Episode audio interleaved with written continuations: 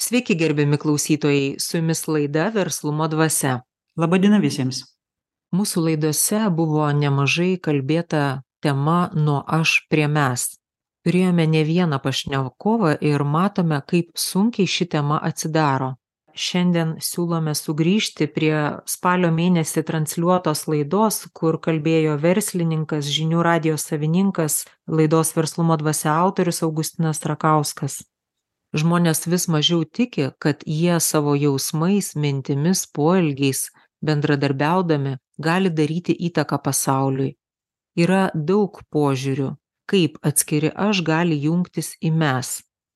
Tai naujos bendrai sukurtos kokybės darinys, kurį mes kūrėme, bet tas kūrinys, ta dvasia mums nepatinka. Tada mes ieškome kokio nors lyderio, kuris mums duotų metodiką, Ir štai laidos autorius kalbėjo apie dėsnius, kuriuos mes ignoruojam. Ir po truputį išaiškėja, kad iš šalies negausim atsakymų, kad bet kokiuose santykiuose, šeimoje, įmonėje, bet kokioje bendruomenėje patys turime pradėti kurti. Ir kai pradėsime kurti, mes būtinai susidursime su savo stereotipais, negatyviu požiūriu į kitą, su geismu kontroliuoti, ir nenoru įsileisti kito jausmus, gilintis į savo ir į kito būseną, o būtent toks ir yra pirmasis žingsnis nuo aš link mes. Mums vis sako, kad turime pasirinkimo teisę, bet kad galėtume ją pasinaudoti, turime patys išsiaiškinti tarpusavyje, kokiais dėsniais turime vadovautis. Labadiena, Augustinai. Labadiena, gerbėjai klausytojai. Augustinai, mes matome, kad mūsų valstybėje ypač dabar vyksta sudėtingi procesai ir ekonominiai, ir politiniai, ir jaučiama vis didėjanti įtampa. Jūs kaip verslininkas išgyvenęs ne vieną krizę. Kaip jūs matote? Nes juk tai vyksta su mumis, juk mes esam tauta. Ką mes turime suvokti dabar? Labai svarbu intencijų identifikavimas jeigu mum pavyksta identifikuot intencijos kodėl taip vyksta tai mes pradedam tada matyt užuomazgas gairės kas iš to išlošia.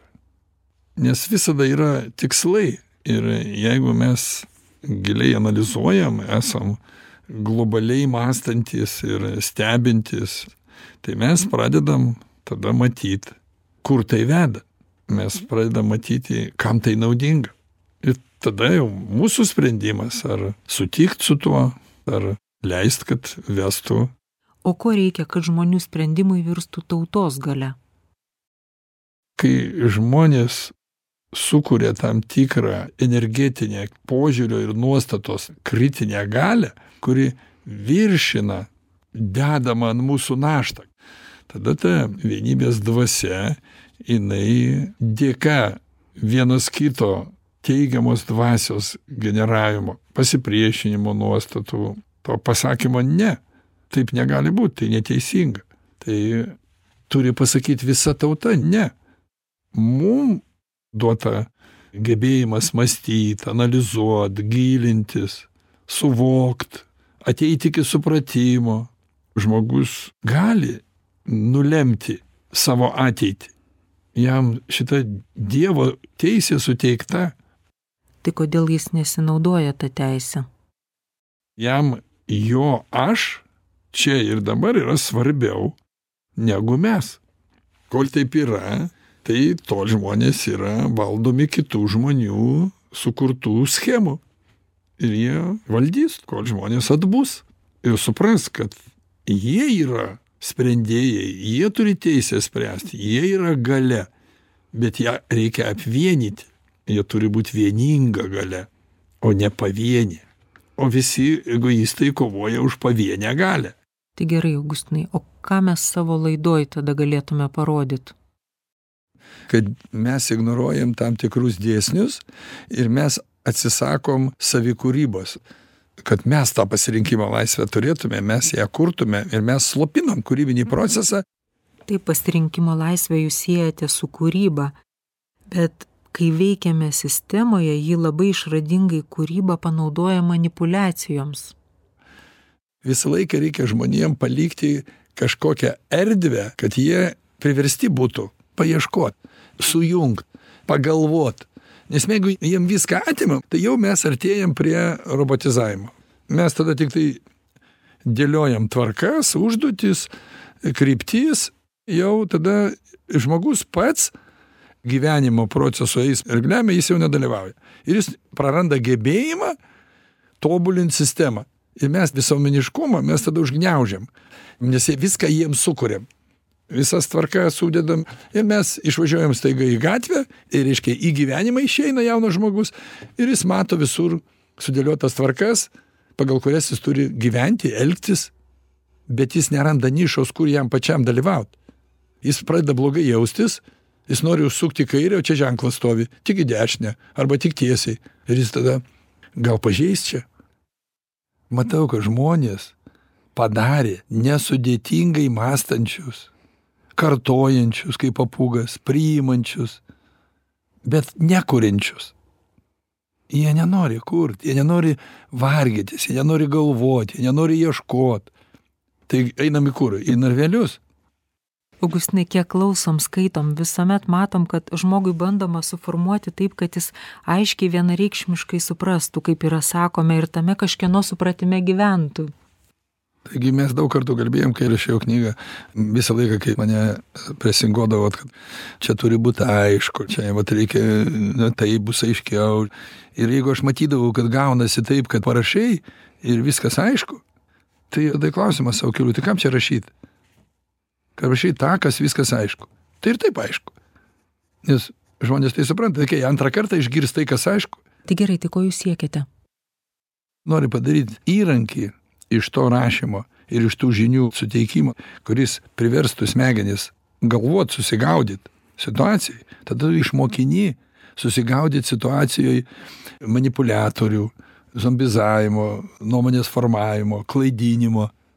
Jis jeigu atsirinks tam mažam mūsų sudėtingume, tai jis atsirinks ir klausydamas, kada kalba ką nors politikas. Jis išmoks suvest, atskirti interesą jo asmenį, pažiūrėt, kur visuomenės interesas, kaip čia yra, kaip čia mane įtakoja ta kalba, ar čia tik reikšmingumą, ar čia tik populiarumą užsima žmogus daryti. Tai, tai jūs neturėjote tikslo rašydamas knygos arba jau kaip jinai jau jums dėliojus, kaip jūs sakote, sukdamas tas aštuoniukės, sukurti tam tikrą požiūrio metodiką? Turėjau tokį tikslą, kad pasidalinti savo požiūriu gal kam nors jis bus naudingas. Bet ne uždėt ant žmonių požiūrį kaip prievalę. Šito labai vengiu. Augustinai, jūs kaip verslininkas inicijavęs daugybę projektų, galite tikrai pasakyti, ar visada materiali motivacija yra leminti? Asmeniškai jau prieš 15 metų išbandęs šitos dalykus, jeigu nedaugiau dar savo sistemai. Galvojau, kad galima su pinigai žmonės pakeisti, galima sukurti motivaciją. Taip, neneigiu, kad pinigai yra svarbus elementas bendroj sudėtiniai įvairių tų faktorių, kurie įtakoja žmogaus savijautą. Tai yra svarbus faktas. Bet toli gražu jis vienas negali pakeisti situacijos. Kada man reikia ką nors finansuoti arba remti, labai giliai analizuoju ir visada stengiuosi suprasti, ar aš gėrį paremsiu, ar aš blogį paremsiu. Nes labai dažnai gaunasi, kad remdamas ir darydamas gerą darbą, tu iš tikrųjų paremi blogį, sustiprini jį. Čia yra tai, apie ką mes pradžioj pokalbio kalbėjom, kad reikia ugdyti žmonių sąmonėje, kaip jūs sakot, nuo pradinės mokyklos, analitinį mąstymą, turi būti žmonės ruošiami supratimui, turi būti jiems suteikiama informacija, kaip žmonės manipuliuoja, išnaudoja informaciją, kaip su ją formuoja nuomonę. Nes jeigu tokių dalykų nemokinsim žmonių, tai jie niekada nesupras. Nes šitas darbas, kurį mes vadinam manipuliavimu informacija, nestovi vietoj. Jis tobulėja, rafinatėja ir vis turi labiau užslėptas ir sunkiau pajaučiamas formas ir jeigu mes lygiagrečiai koja kojon neisim kartu su jaunais žmonėmis ir jiem nesuteikinėsim informacijos nerodysime nedemonstruosime įvairiais pavyzdžiais ir nekelsime jų sąmoningumo lygių tai jie visą laiką bus vargšai ir visą laiką bus valdomi. Tų kurie moka geriau šitą darbą daryt. Augustinai noriu klausimą pasukt kitu kampu nors ir ta pati tema. Kaip jūs žiūrite į energetinę krizę? Apie kurią energiją norėtum išgirsti? Ar apie subtilaus pasaulio energiją? Ar apie šitą energetinę krizę? O kiek mes jų turim? Ką jūs turit omeny mes turim dvi krizes turime subtilaus pasaulio krizę kad žmonės mažai analizuoja mažai gilinasi neugdo jausmų kad suvokt kas vyksta. Tai čia vienas viena krizė o antra krizė kad mus verčia valdžios priimami sprendimai gyvent didesnėj tamsoj. Mes visai nesenai dar prieš kelis dešimtmečius aš pirmą kartą atsimenu atkreipiau dėmesį kad buvo labai akcentuojama kad reikia stengtis kad būtų kuo daugiau šviesos mūsų aplinkoj nes tos šalys kurios gyvena tokiose apniukusiose oro sąlygose kurios visą laiką kaip švinas taip apgaubia tas valstybes čia daugiau liečia skandinavijos šalis ten norvegija. Tai ten daugiau tų depresijų išsivysto daugiau būna visokių tokių negatyvių psichologinių reiškinių. Tai kas mūsų laukia? Kai mums sako kad dabar jau nesvarbu ta žmogaus psichologinė būsena. Dabar reikia taupyt energiją mes turėsim sumokėt tam tikrą kainą nes bus daugiau savižudybių bus daugiau psichinių sutrikimų bus daugiau depresijų konfliktų tiek vidinių žmonių būsenose tiek jų šeimose artimoj aplinkoj. Tai būtų galima tiesiog traktuot kaip tam tikrą technologiją kaip ta tiesiogine žodžio prasme sukurt daugiau tamsos nes norint turėt daugiau tos šviesos labai brangiai visiem kainuos. Aišku žmonės pradės taupyt. Jie pradės taupyt savo psichinės būsenos sąskaita dabar jau laiptinėse bendruose kalidoriuose visur jau ne šviesa o prieblanda pradeda vyraut. O dar ruduo tiktai įpusėjęs. Dar ateis ir vėlyvas ruduo ir ateis tamsios žiemos naktys. Ir manau kad tie visi reikalavimai sukurs tam tikras pasekmes kurios nuguls ant žmonių būsenų ant jų savijautos. Tai aš manau kad čia tokie labai rimti ir toli pramatyti metodai kurių pagalba galima daug sukurti negatyvių tokių reiškinių tik reikia išmanyt žmogaus psichikos reakcijas ir numatyt pasekmes. Kadangi mokslas yra toli pažengęs šitoj srity tai tų reiškinių kurie vyks ryšium su tuo šviesos mažinimu čia dar dasidės ir šiluma reiškia bus niūru tamsu ir dar šalta. Tai manau kad tai sukurs labai daug nepatogumų. Ir kadangi mes matom kad tos pačios problemos skirtingai sprendžiamos atskiruose šalyse ir puikiai žinom kad materialinius resursus pakelt tuos krizės padarinius mes kaip jauna demokratinė valstybė kuri dar visai nesenai tiktai stengėsi pajausti tuos gyvenimo malonumus kuriuos atnešė mum ta laisvė nepriklausomybė. Tai mes tikrai nebuvom linkę labai taupyt labai kaupti tas sankaupas. Augustinai demokratiją suvokiame kaip gyvenimą šią akimirką kur galima džiaugtis čia ir dabar. Ir susikuria iliuzija kad taupyti nereikia. Jūs kaip verslininkas laidoje knygose daug rašantis apie šeimininkavimą dažnai primenate kad žmogus turi mokytis prognozuoti kaupti taupyti ypač šiandien tokiomis nestabiliomis sąlygomis. Kokia šiandien būsena tų kurie turi suformuotą skaudžią patirtį taupyti nes yra atsakingi už savo darbuotojus ir yra įkaitai politinių procesų? Tie kurie linkę taupyt ir kurie sukaupė kaip aš girdžiu per radiją dažnai kalbant kad verslas turi lašinukų ir čia mūsų vienas žurnalistas vis pabrėžia šitą kad bankas skelbia kad verslas turi pakankamai sukaupęs lašinukų tai mes prisiminkim aštuntų metų krizę kada verslas buvo kaltas todėl kad jis išlaidavo nesukaupė atsargų neturėjo lašinukų ir dabar už tai turi mokėti ir čia kaltas verslas dabar verslas kaltas kad jis turi lašinukų ir todėl reikia iš jo atimti tuos lašinukus.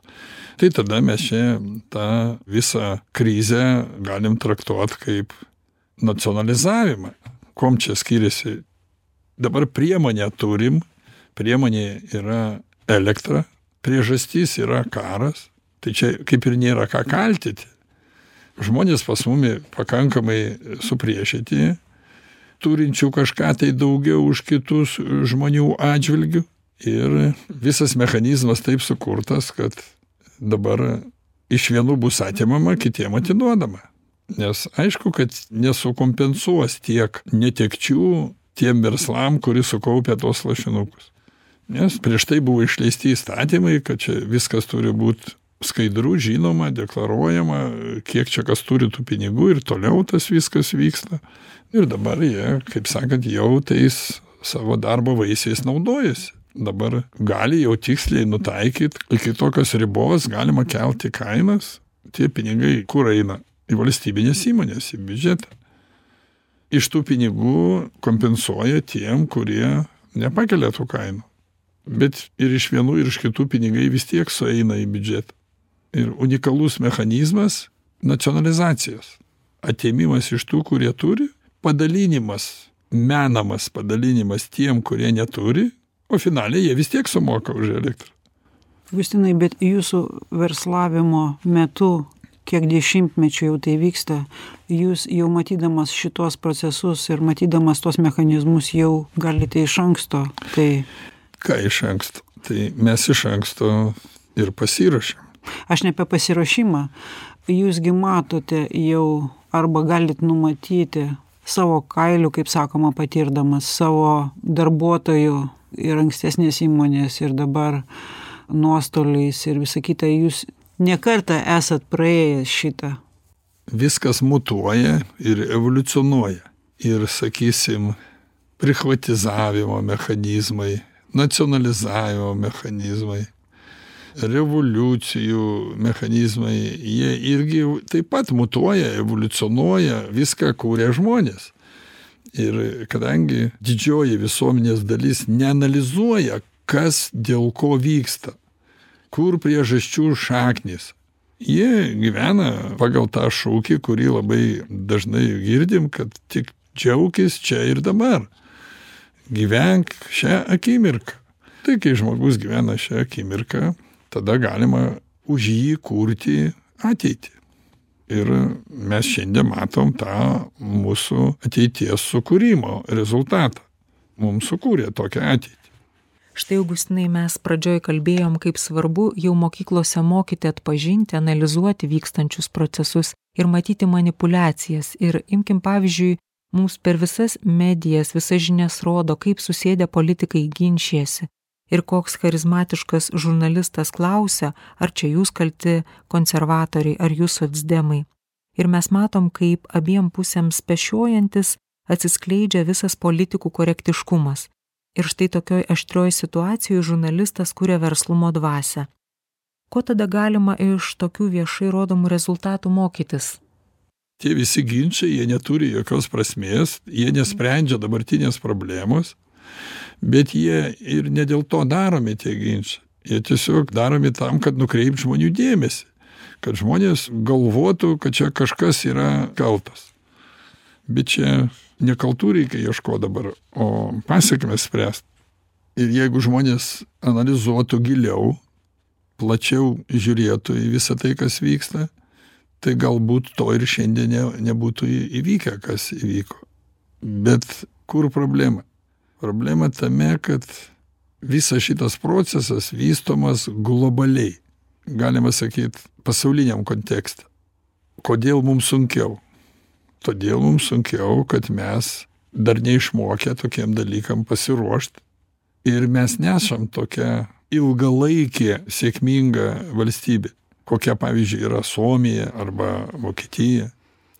Tai yra labai senos, stiprios ekonomikos, kurios atlaikys tai tos iššūkius, kuriuos sukuria tie geopolitiniai interesai.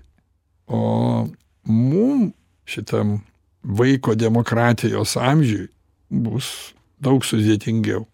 Bet čia mes labiausia turim kaltyti patį save. Kodėl, Augustinai? Kad mes nesigilinam. Kad mes pasiduodam tai minčiai, kad gyventi reikia šią dieną. Ta mūsų norą gyventi šią dieną, negalvojant apie rydieną, nedarant išvadų iš praeities, tai šitą mūsų būseną šiandieną ir išnaudoja. Todėl ir galima daryti tai, ką daro. Todėl gali būti skirtingos kainos skirtingose valstybėse. Turėtų būti priešingai. Tom stipriom ekonomikom turėtų būti taikoma didesni įkainiai. O tokiom jaunom demokratiniam šalim turėtų būti mažesni taikomi įkainiai. Bet čia ne apie tai eina kalba, čia eina kalba, kaip sukurt kiek galima vienodesnę ir suniveliuotą visuomenę vienoj arba kitoj šaly, ypač šitos posovietinės šalyse, kad jos nepradėtų dominuot ir jų finansiniai pajėgumai nepradėtų konkuruoti su tom senom valstybėm, kurios susikūrė tą gerovę per daugelį metų nepalyginamai per didesnį laikotarpį, jeigu mes esam susikūrę. Tai jie ne tam plečia tą demokratiją, kad jinai būtų tokia, kurioje jie tampa silpnesni, nes jie tą gerovę susikūrė ir jie nori ją išlaikyti. Jie nori ne tik tą materialinę gerovę išlaikyti, jie nori ir įtakos gerovę išlaikyti, tą dominavimą išlaikyti. Pas mus yra kuriama visuomenėje ta dvasia, kurią per įvairias medijas ir socialinės platformas palaikome, kad kuo mažiau keltume esminių egzistencinių klausimų, kad veikiami tų ideologinių garų, to komforto propagavimo nematytume nei politinių, nei ekonominių procesų ir gyventume šią dieną. Vis dėlto yra žmonių, kurie mato, kas vyksta po tais specialiai visuomeniai leidžiamais garais Jo, bet kada yra tokių žmonių mažuma, tai jie įtakos nelabai gali padaryti, nelabai gali ką pakeisti. Kodėl aš visą laiką pabrėžiau, kad tik vienybės dvasia, tik vieningumas, tik ta vieningo vienio dvasia. Čia mes galim tą vienybės faktorių ryškyti įvairiais būdais ir vieningas vienis, ir vienybė, ir vienis. Bet jeigu taip pažiūrėjus dabar metaforiškai į šviesą, tai pradžioj bandžiau pakalbėti apie tą psichologinę tamsą. Tai juk kada žmogui didžiausia tamsa? Kada jis lieka vienas. Kada jis vienas lieka su savo problemom, su savo psichinė būsena. Ir lygiai taip pat metaforiškai tamsa veikia vieną žmogų, kai jisai vienas, bet jeigu jis susikibęs su kažkuo tai rankom, jeigu jis jaučia kitus žmonės, jeigu jis žino, kad jis čia ne vienas, kad čia visi orientuoti padėt, tai jam daug lengviau tą tamsą išgyventi. Juk akla veda už rankos regintis žmogus. Kada mes suprasim, kad subtilaus pasaulio dvasinė šviesa, kuriai nebaisios jokios tamsos, skleidžia tik vienybės faktorius, tai tada mum nieks negalės užtemdyti gyvenimą. Nes mes visi būsim kartu ir būdami kartu mes kursim tą savitarpio supratimo šviesą. Tada nieks negalės mūsų kvailyti, nieks negalės čia kurt schemų, nes mes tiesiog būdami tas vieningas vienis, mes neleisime to daryti. Nes kieno rankom padaro šitos dalykus. Ne arklių, ne šunų, žmonių rankom. Įsivaizduokit, jeigu nei vienas žmogus nenori to, tai ar galima tai padaryti? tada reikia jau taikyt kažkokį tai smurto, tada reikia jau imtis kažkokio tai fizinio veiksmo. Tai ta vienybės dvasia jinai kūrė šviesą. O lietuviai žinot, kaip vieningi. Labai trūksta mums tos vienybės. Ir čia supriešinimo to pavydo sieklos labai terpsta. Ir čia visi esam prie to prisidėję. Augustinai turim sustoti. Dabar pertrauka ir mėly žinių radio klausytojai netrukus laukiame jūsų antroje laidos verslumo dvasia dalyje. Gerbiami žinių radio klausytojai, grįžtame į laidą Verslumo dvasia. Antra dalis, priminsiu, kad šiandien kalbamės su laidos autoriumi, verslininku, žinių radio savininku Augustinu Rakausku. Pirmojoje dalyje kalbėjome apie tai, kad žmogus nėra subrendęs suvokti ir atskirti, kada ir kaip kūryba, pereidama į tendencingą manipulaciją, veikia per žmonių santykius visą sistemą ir kada pats žmogus tapdamas tokios sistemos įkaitų yra robotizuojamas. Taip pat kalbėjom apie tai, kad ateina tamsos laikotarpis ir žmonių psichinę būseną užguls elektros šildymo kainos. Kaip krizė palies verslininkus ir apskritai valstybę. Kaip mes, nesigilindami į tai, kaip kokia situacija yra formuojama, patenkame į išbandymus bet kaip jūs sakote kada tas ruduo ateis ir prasidės tos mūsų psichinės būsenos e, Aš manau, kad jos prasidės, sutaps čia labai taip sinchroniškai, sakyčiau, gerai paskaičiuota viskas. Čia pikinis momentas bus, kada sutaps ir elektros kainų pikas, ir šilumos kainų pikas, ir rudens tamsa, ir rudens ir žiemos šalčiai. Šitie keturi faktoriai kada jie susijungs į vieną žmogaus būseną tai silpni žmonės to neatlaikys. Ir tiesiog bus nematomas mūšis su žmogaus sąmoningumo lygiu bus nematomas mūšis su vienas kito santykiais bet juk tada mes ir būsim patys silpniausi ir būtent tada mum ir labiausiai reikės to ryšio vienas su kitu. Ir politikų. Niekas iš niekur negimsta. Jeigu nėra sieklos, augalas neišauga. Taip, gyvybė labai gaji, bet mes čia kalbam apie subtilaus pasaulio jausmų dvasę. Aš tik tai tos materialius dalykus ir nepriteklius tuos panaudoju kaip priemonės, reiškinius, kurių pagalba mes atsidursim tam tikroj būsenoj. Ir kaip čia mes beneigtume, tai yra sinchronizacija fizinės ir dvasinės būsenos. Tai, ką mes su tavim šiandien kalbėjom. O čia ir įvyksta sinchronizacija. Ne gerąją žodžio prasme, o kažkas tai gaus iš to rezultatą. Koks ten tas rezultatas ir kokios yra intencijos šitų būsimų pasiekmių. Šiandien mes negalim tiksliai įvardyt per mažai turim informacijos. Ir informacijos kaip ir pakaktų analizuojant bet žmonių abejingumas ir žmonių dėmesio atitraukimas į gyvenimą čia ir dabar. Aš nežinau galbūt net galima būtų įvardyt kaip priemonės. Tos priemonės mum suponuos tam tikrą būseną. Labai svarbu kad ir labai blogai kad žmonės neanalizuoja intencijų. Nesvarbu ar jie knygą skaito ar jie klauso laidą. Jau neužtenka vien tik girdėt tai ką sako ir suprast. Žmonės įprato kad klausau ką sako ir suprantu ką sako bet kokia intencija to sakymo koks yra tikslas kodėl taip sako šitos savybės sakyčiau taip žmogus labai mažai kas eksploatuoja šitą savybę. O juk žmogus turi tą savybę pajaust intenciją kodėl taip daroma kodėl taip kalbama kodėl taip rašoma žmogus tada nėra pilnavertis kai jisai tiktai priima tai ką girdi tai jis kaip imtuvas dirba jis priima tai bet kas iš to o kai jisai pajaučia intenciją jis pradeda tada analizuot jis pradeda tada tą jausmą tyrinėt ir tada veikia tas mūsų jausmas ir protas. Veikdamas jis, kaip sako, įžiebė tą naujo suvokimo kibirkštėlę. Ir mes kažką naujo suvokiam. Kažkas atsiveria, atsidaro ir mes pamatom tai, kas slypi už to, ką nori mum perduot ir inkorporuoti mumi kaip supratimą.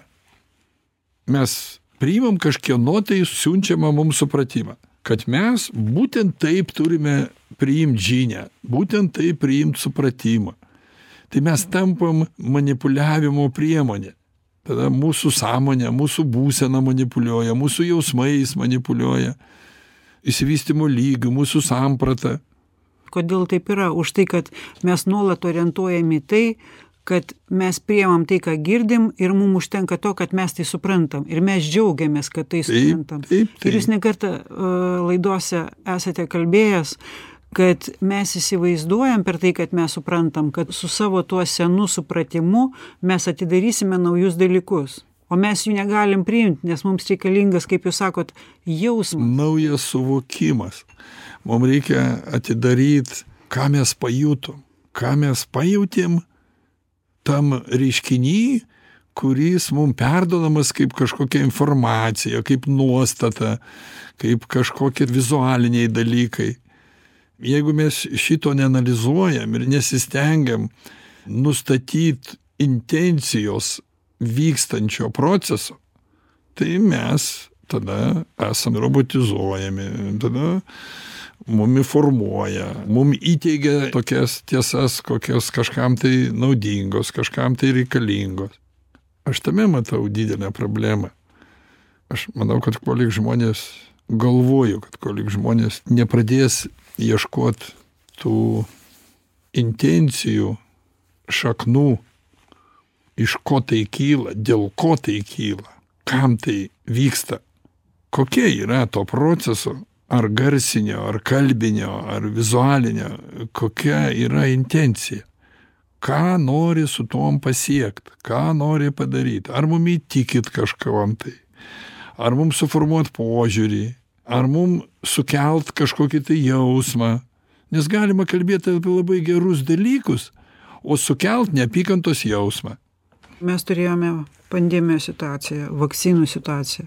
Ko mes iš jos pasimokėm? Buvo vakseriai, antivakseriai.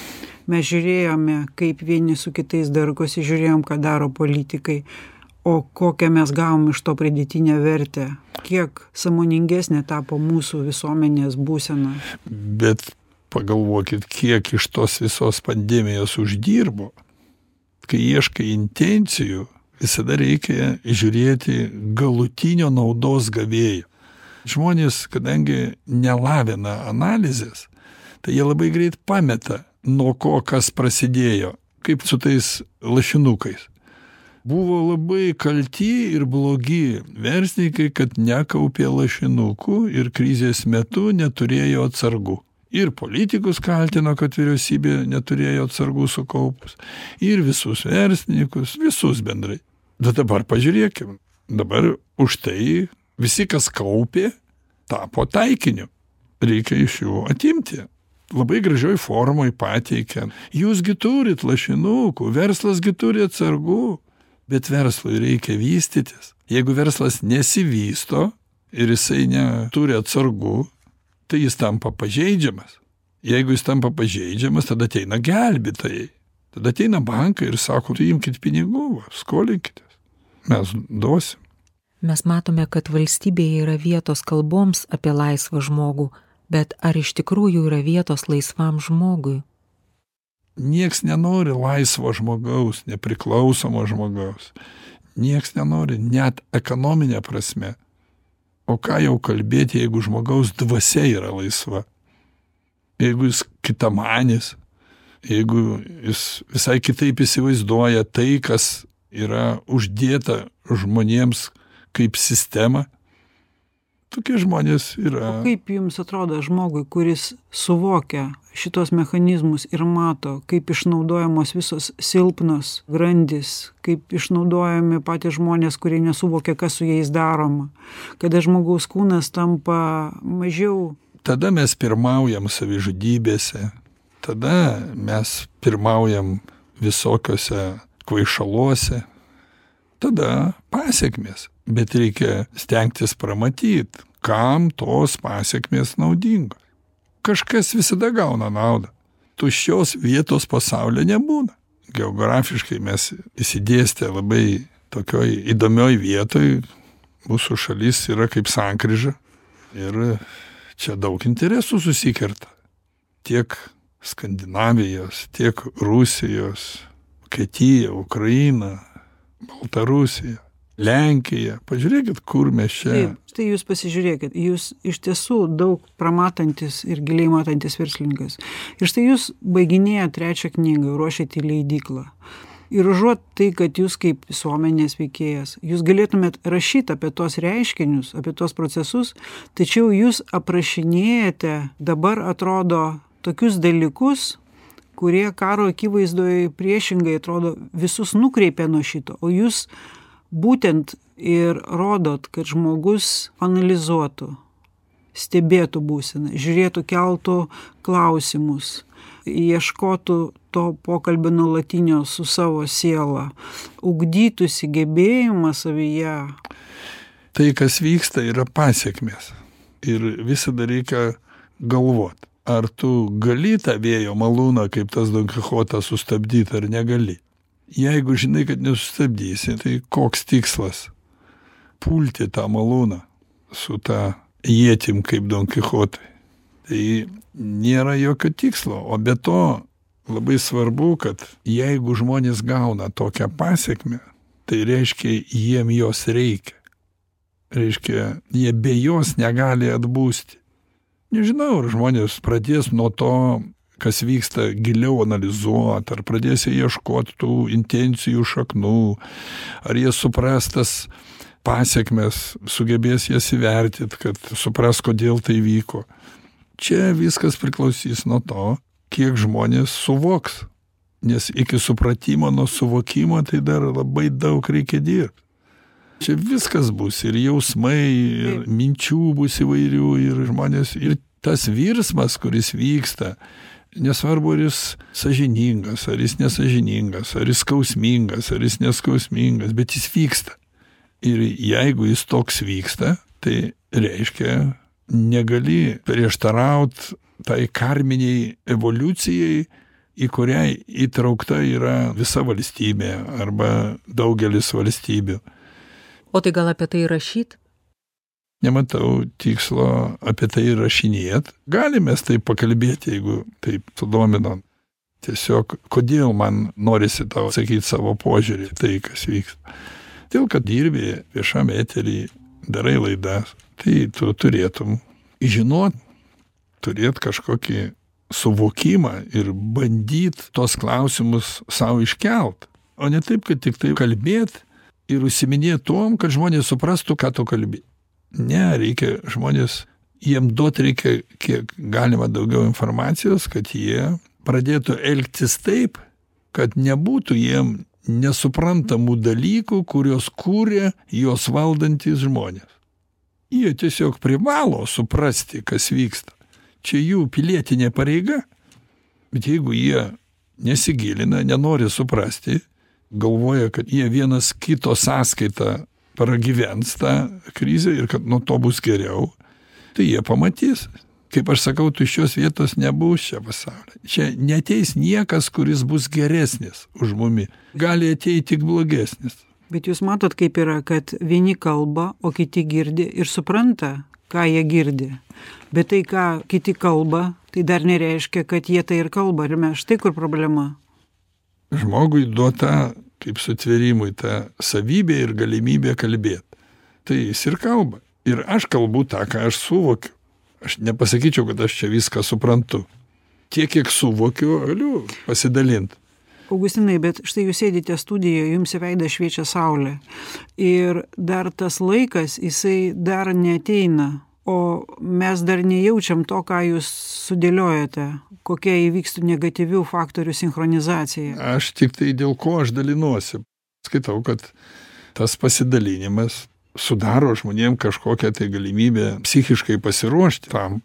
Vis tiek aš viliuosi kad jeigu tu daugiau kalbėsi apie tai laidų metu bandysi su pašnekovais išryškinti tas vietas neužmigdyti tuos žmones ne kažką apkaltyti o suteikt kuo daugiau informacijos kad jie susimąstytų kodėl jie atsidūrė tokioj situacijoj.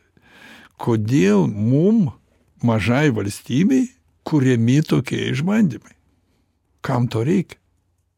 Juk mes turėtume priešingai gyvendami tarp tokių ekonomiškai išsivysčiusių šalių tikrai ir skandinavijos pagalba ir lenkijos pagalba ir tų valstybių kurios ekonomiškai yra daug kartų už mumis stipresnės būdami europos sudėtyje tikrai neturėtume turėti kažko tai blogesnio kažko tai kainų didesnių. Bet matom kad jau kai kurias labai išsivysčiusias ekonomikas mūsų maisto kainos lenkia.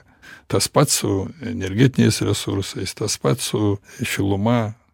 Turim visas tas atsargas viskas yra paruošta. Tai kam buvo didžiuliai pinigai investuojama į elektrėnus į kruonio elektrinę į geoterminius visokius? Tai mūsų valstybei trūksta energijos. Čia valios trūksta. Klausimas ar mūsų valstybę valdantys yra įgalūs tą valią pareikšt. Ir ji negali tos valios pareikšt sutikimo arba nesutikimo su mum primetamais kitais reiškiniais negali priimti vien politikai. Čia turi priimt visa tauta. Jeigu to nedaro visa tauta jeigu yra bendras sąmoningumo lygis žemas egoistinis orientuotas tik į save joks vienas žmogus jokia viena grupė žmonių neišspręs šitų klausimų žinot jūs taip kalbat lyg atrodo kad prieš kažką tai lyg prieš audrą kad dabar toks mūsų tautoje bręsta laikas ateina kada mes visi būsime priversti atsistot prieš šitą klausimą mes atsidursim šitų problemų akivaizdoj. Mes jau atsidūrę esam jų. Bet kadangi tai yra kaip tas debesys va žiūrėk per langą koks debesys užplaukia. Kadangi jisai tas tamsos ir tų pasekmių tas debesys yra šliaužiantis jisai iš lėto gaubia ir dengia tą šviesą. Ta mūsų šviesa tai yra ta gerovė kurią mes čia sugebėjom per tą trumpą laiką susikurt. Mes gyvenam to pačio mentaliteto valdžioje kurią istoriškai mes turėjom šimtmečiais. Visą laiką buvo kėsinamasi atimti iš tų kurie turi. Šiandieną mes jau negirdim tokių pavyzdžiui šventa yra privati nuosavybė. Taip jinai šventa bet kad ją tu galėtum išlaikyt tai tau sukuria tokius mechanizmus tokias priemones kad jinai tampa ne tavo. Čia yra elementarus prichvatizavimo arba nacionalizavimo mechanizmas tobulai sukurtas. Tai kaip jūs matot lietuvį ir lietuvą? Aš manau kad lietuviai gana stipri tauta jinai daug iškentėjo ir carinės rusijos visą šimtmetį buvo valdoma bet išliko kaip tauta. Esu minėjęs kad šiandieną jau ne pilys ne dvarai ne turtai ne pinigai lems valstybės išlikimą o dvasia vienybės dvasia nulems ar mes būsim tauta ar mes išliksim kaip lietuva ar mes išnyksim. Šitam geopolitinių interesų virsme o čia viskas labai gražiai mum pateikinėjama. Labai mažai kuom skiriasi nuo komunizmo šviesaus rytojaus visą laiką šviesus rytojus laukia mūsų kažkada kaip lietuva ruošėsi įstoti į europos sąjungą jūs nemažai ir straipsnių parašėt nemažai ir laidose kalbėjot apie tai kiek mes turime kaip lietuva turi būti susikaupusi kaip turi būti įžvalgi kaip turi pramatyti kokie slypi pavojai kaip mes turime būti susijungę tarpusavyje išgeneruotą bendrą dvasią kad tik tos dvasios dėka mes galėtume numatyti ir pasiruošti tiems pavojams kurie mūsų laukia. Nes kiekviena nauja valstybė kuri įžengs į tų senų valstybių sambūrį jinai turės didžiulius išbandymus. Mes jau virš trisdešim metų kaip mes esam išsilaisvinę iš tos buvusios imperijos ir mes matom dabar kaip sakant raškom vaisius to kiek mes tam sutelkėm dėmesio. Tam susitelkimui tam pasiruošimui tiem iššūkiam apie kuriuos dabar kalbi. Kad mažom valstybėm atsidurti tų didžiųjų valstybių sandraugoj visada yra iššūkis prisitaikyt asimiliuotis išlikt kažkiek tai savo identitetą išsaugot tai nėra paprasti dalykai ir nėra taip lengva tai ir jūs štai kaip verslininkas kalbėjot tada pamenu kaip yra labai svarbu ir verslo institucijoms ir politinėms visoms struktūroms kaip reikia stengtis mokėti derintis kaupti tą pažinimą tą patirtį. Ir dabar kaip jūs taip kalbat atrodo kad nieko nevyko kaip mes žinot į aštuonkojo papuolėm tos mes gi matom kaip tos didžiosios valstybės irgi nesutaria tarpusavy kaip jos dažnai konfliktuoja su skirtingom nuomonėm su skirtingais požiūriais į vienu arba kitu klausimu tai ką jau kalbėt čia ir yra viena iš tų sunkių užduočių kaip mum prisitaikyt prie tų jų ginčų prie tų sprendimų kada jie kovoja už savo interesus. O kas amortizatoriaus vaidmenį tada atliks mūsų valstybėje kai prasidės tos negandos prasidės visos mūsų žmonių psichinės problemos įskaitant jau nekalbant apie materialia šitą dalyką gali kaip aš minėjau išspręsti tiktai patys žmonės savo vienybės faktorių savo vienybės dvasia niekas kitas negali suamortizuot šito dalyko. Tik žmonių vienybė. Tik meilė vienas kitam rūpesčiu vienas kitu. Jie su šitais subtilaus pasaulio dvasios faktoriais jie gali sugeneruot galią kuri gali atremti visus tuos smūgius kuriuos mum likimas ruošia dėkojame brangūs klausytojai su mumis buvo žinių radijo savininkas verslininkas laidos autorius augustinas rakauskas ir verslumo dvasia. Iki kitų susitikimų